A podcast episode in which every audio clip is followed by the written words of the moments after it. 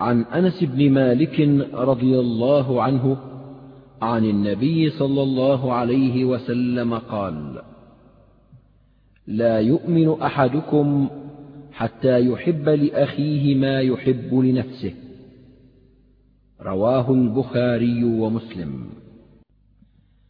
هذا الحديث خرجاه في الصحيحين من حديث قتادة عن أنس ولفظ مسلم حتى يحب لجاره أو لأخيه بالشك. وخرجه الإمام أحمد ولفظه لا يبلغ عبد حقيقة الإيمان حتى يحب للناس ما يحب لنفسه من الخير. وهذه الرواية تبين معنى الرواية المخرجة في الصحيحين وأن المراد بنفي الإيمان نفي بلوغ حقيقته ونهايته. فإن الإيمان كثيرا ما ينفى لانتفاء بعض أركانه وواجباته. كقوله صلى الله عليه وسلم لا يزني الزاني حين يزني وهو مؤمن ولا يسرق السارق حين يسرق وهو مؤمن ولا يشرب الخمر حين يشربها وهو مؤمن. وقوله لا يؤمن من لا يأمن جاره بوائقه. وقد اختلف العلماء في مرتكب الكبائر هل يسمى مؤمنا ناقص الإيمان أم لا يسمى مؤمنا. وإنما يقال هو مسلم وليس بمؤمن على قولين وهما روايتان عن الإمام أحمد. فأما من ارتكب الصغائر فلا يزول عنه اسم الإيمان بالكلية بل هو مؤمن ناقص الإيمان ينقص من إيمانه بحسب ما ارتكب من ذلك. والقول بأن مرتكب الكبائر يقال له مؤمن ناقص الإيمان مروي عن جابر بن عبد الله وهو قول ابن المبارك وإسحاق وأبي عبيد وغيرهم. والقول بأنه مسلم ليس بمؤمن مروي عن أبي جعفر محمد بن علي وذكر بعضهم أنه المختار عند أهل السنة. وقال ابن عباس الزاني ينزع منه نور الإيمان. وقال أبو هريرة ينزع منه الإيمان فيكون فوقه كالظلة فإذا تاب عاد إليه. وقال عبد الله بن رواحة وأبو الدرداء الإيمان كالقميص يلبسه الإنسان تارة ويخلعه أخرى. وكذا قال الإمام أحمد رحمه الله وغيره. والمعنى أنه إذا كمل خصال الإيمان لبسه فإذا نقص منها شيئا نزعه. وكل هذا إشارة إلى الإيمان الكامل التام الذي لا ينقص من واجباته شيء. والمقصود أن من جملة خصال الإيمان الواجبة أن يحب المرء لأخيه المؤمن ما يحب لنفسه ويكره له ما يكره لنفسه فإذا زال ذلك عنه فقد نقص إيمانه بذلك وقد روي أن النبي صلى الله عليه وسلم قال لأبي هريرة أحب للناس ما تحب لنفسك. تكن مسلما خرجه الترمذي وابن ماجه.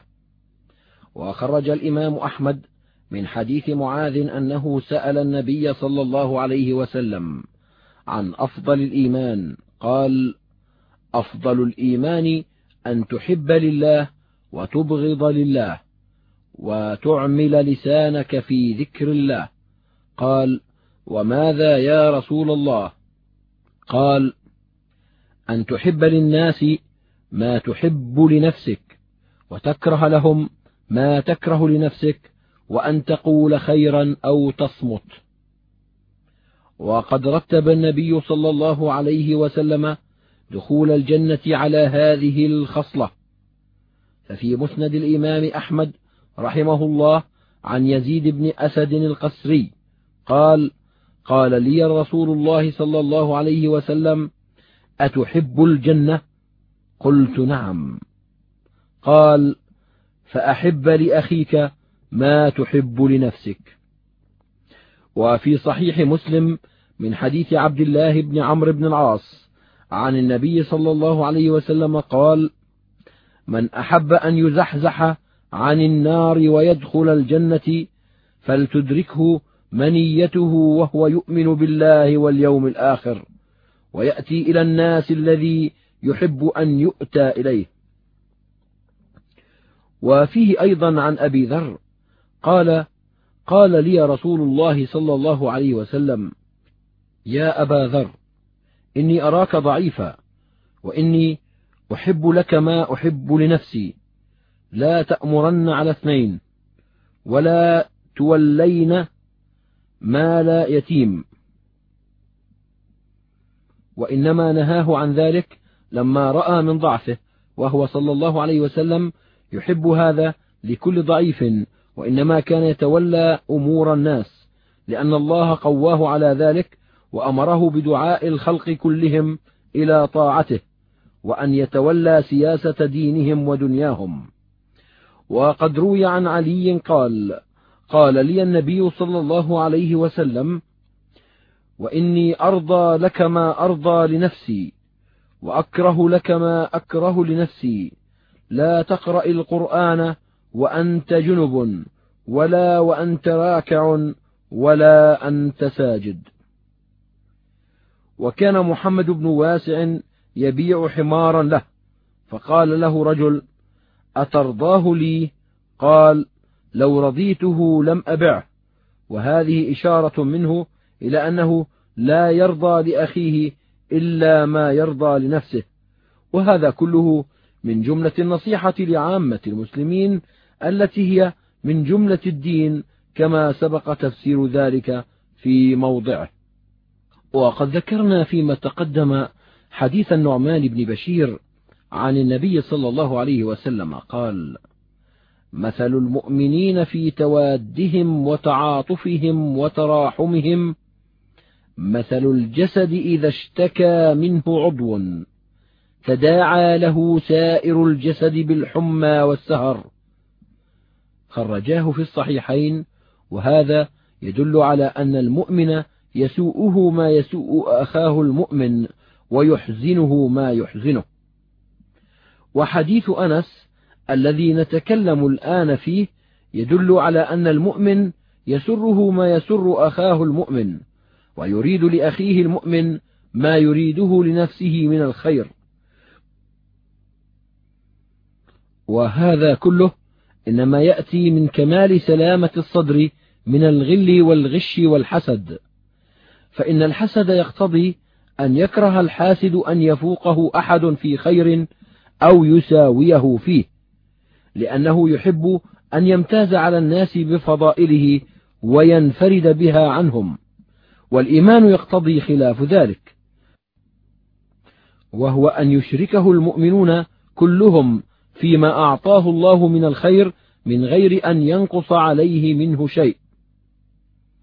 وقد مدح الله تعالى في كتابه من لا يريد العلو في الأرض ولا الفساد فقال تلك الدار الآخرة نجعلها للذين لا يريدون علوا في الأرض ولا فسادا. وروى ابن جرير بإسناد فيه نظر عن علي رضي الله عنه قال إن الرجل ليعجبه من شراك نعله أن يكون أجود من شراك صاحبه فيدخل في قوله تلك الدار الآخرة نجعلها للذين لا يريدون علوا في الأرض ولا فسادا والعاقبة للمتقين. وكذلك روي عن الفضيل بن عياض في هذه الآية قال لا يحب أن يكون نعله أجود من نعل غيره ولا شراكه أجود من شراك غيره. وقد قيل إن هذا محمول على أنه إذا أراد الفخر على غيره لا مجرد التجمل. قال عكرمة وغيره من المفسرين في هذه الآية العلو في الأرض التكبر وطلب الشرف والمنزلة عند ذي سلطانها والفساد العمل بالمعاصي. وقد ورد ما يدل على أنه لا يأثم من كره أن يفوقه من الناس أحد في الجمال. فخرج الإمام أحمد رحمه الله والحاكم في صحيحه من حديث ابن مسعود رضي الله عنه. قال أتيت النبي صلى الله عليه وسلم وعنده مالك بن مرارة الرهاوي فأدركته وهو يقول يا رسول الله قد قسم لي من الجمال ما ترى فما أحب أحدا من الناس فضلني بشراكين فما فوقهما أليس ذلك هو من البغي؟ فقال لا ليس ذلك بالبغي ولكن البغي من بطر أو قال سفه الحق وغمص الناس. وخرج أبو داود من حديث أبي هريرة رضي الله عنه عن النبي صلى الله عليه وسلم معناه وفي حديثه الكبر بدل البغي. فنفى أن تكون كراهته لأن يفوقه أحد في الجمال بغيا أو كبرا وفسر الكبر والبغي ببطر الحق وهو التكبر عليه والامتناع من قبوله كبرا إذا خالف هواه. ومن هنا قال بعض السلف التواضع أن تقبل الحق من كل من جاء به وإن كان صغيرا فمن قبل الحق ممن جاء به سواء كان صغيرا أو كبيرا وسواء كان يحبه أو لا يحبه فهو متواضع. ومن أبى قبول الحق تعاظما عليه فهو متكبر. وغمص الناس هو احتقارهم وازدراؤهم. وذلك يحصل من النظر إلى النفس بعين الكمال وإلى غيره بعين النقص. وفي الجملة فينبغي للمؤمن أن يحب للمؤمنين ما يحب لنفسه ويكره لهم ما يكره لنفسه. فإن رأى في أخيه المسلم نقصا في دينه اجتهد في إصلاحه. قال بعض الصالحين من السلف أهل المحبة لله نظروا بنور الله وعطفوا على أهل معاصي الله مقتوا أعمالهم وعطفوا عليهم ليزيلوهم بالمواعظ عن فعالهم وأشفقوا على أبدانهم من النار لا يكون المؤمن مؤمنا حقا حتى يرضى للناس ما يرضاه لنفسه. وإن رأى في غيره فضيلة فاق بها عليه فتمنى لنفسه مثلها. فإن كانت تلك الفضيلة دينية كان حسنا وقد تمنى النبي صلى الله عليه وسلم لنفسه منزلة الشهادة. وقال صلى الله عليه وسلم لا حسد إلا في اثنتين. رجل آتاه الله مالا فهو ينفقه آناء الليل وآناء النهار. ورجل آتاه الله القرآن فهو يقرأه آناء الليل وآناء النهار. وقال في الذي رأى من ينفق ماله في طاعة الله فقال لو أن لي مالا لفعلت فيه كما فعل فهما في الأجر سواء. وإن كانت دنيوية فلا خير في تمنيها كما قال تعالى فخرج على قومه في زينته قال الذين يريدون الحياة الدنيا يا ليت لنا مثل ما أوتي قارون إنه لذو حظ عظيم. وقال الذين أوتوا العلم ويلكم ثواب الله خير لمن آمن وعمل صالحا. وأما قول الله عز وجل ولا تتمنوا ما فضل الله به بعضكم على بعض. فقد فسر ذلك بالحسد وهو تمني الرجل نفس ما أعطي أخوه من أهل ومال وأن ينتقل ذلك إليه. وفسر بتمني ما هو ممتنع شرعا أو قدرا كتمني النساء أن يكن رجالا أو يكون لهن مثل ما للرجال من الفضائل الدينية كالجهاد والدنيوية كالميراث والعقل والشهادة ونحو ذلك. وقيل إن الآية تشمل ذلك كله. ومع هذا كله فينبغي للمؤمن أن يحزن لفوات الفضائل الدينية. ولهذا أمر أن ينظر في الدين إلى من فوقه. وأن ينافس في طلب ذلك جهده وطاقته كما قال تعالى وفي ذلك فليتنافس المتنافسون ولا يكره أن أحدا يشاركه في ذلك بل يحب للناس كلهم المنافسة فيه ويحثهم على ذلك وهو من تمام أداء النصيحة للإخوان. قال الفضيل إن كنت تحب أن يكون الناس مثلك فما أديت النصيحة لربك كيف وأنت تحب أن يكونوا دونك؟ يشير إلى أن أداء النصيحة لهم أن يحب أن يكونوا فوقه وهذه منزلة عالية ودرجة رفيعة في النصح وليس ذلك بواجب وإنما المأمور به في الشرع أن يحب أن يكونوا مثله.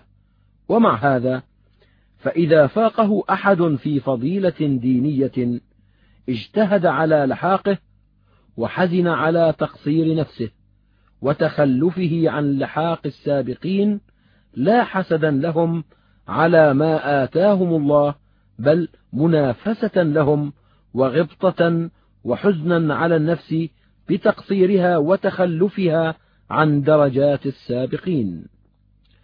وينبغي للمؤمن أن لا يزال يرى نفسه مقصرا عن الدرجات العالية فيستفيد بذلك أمرين نفيسين.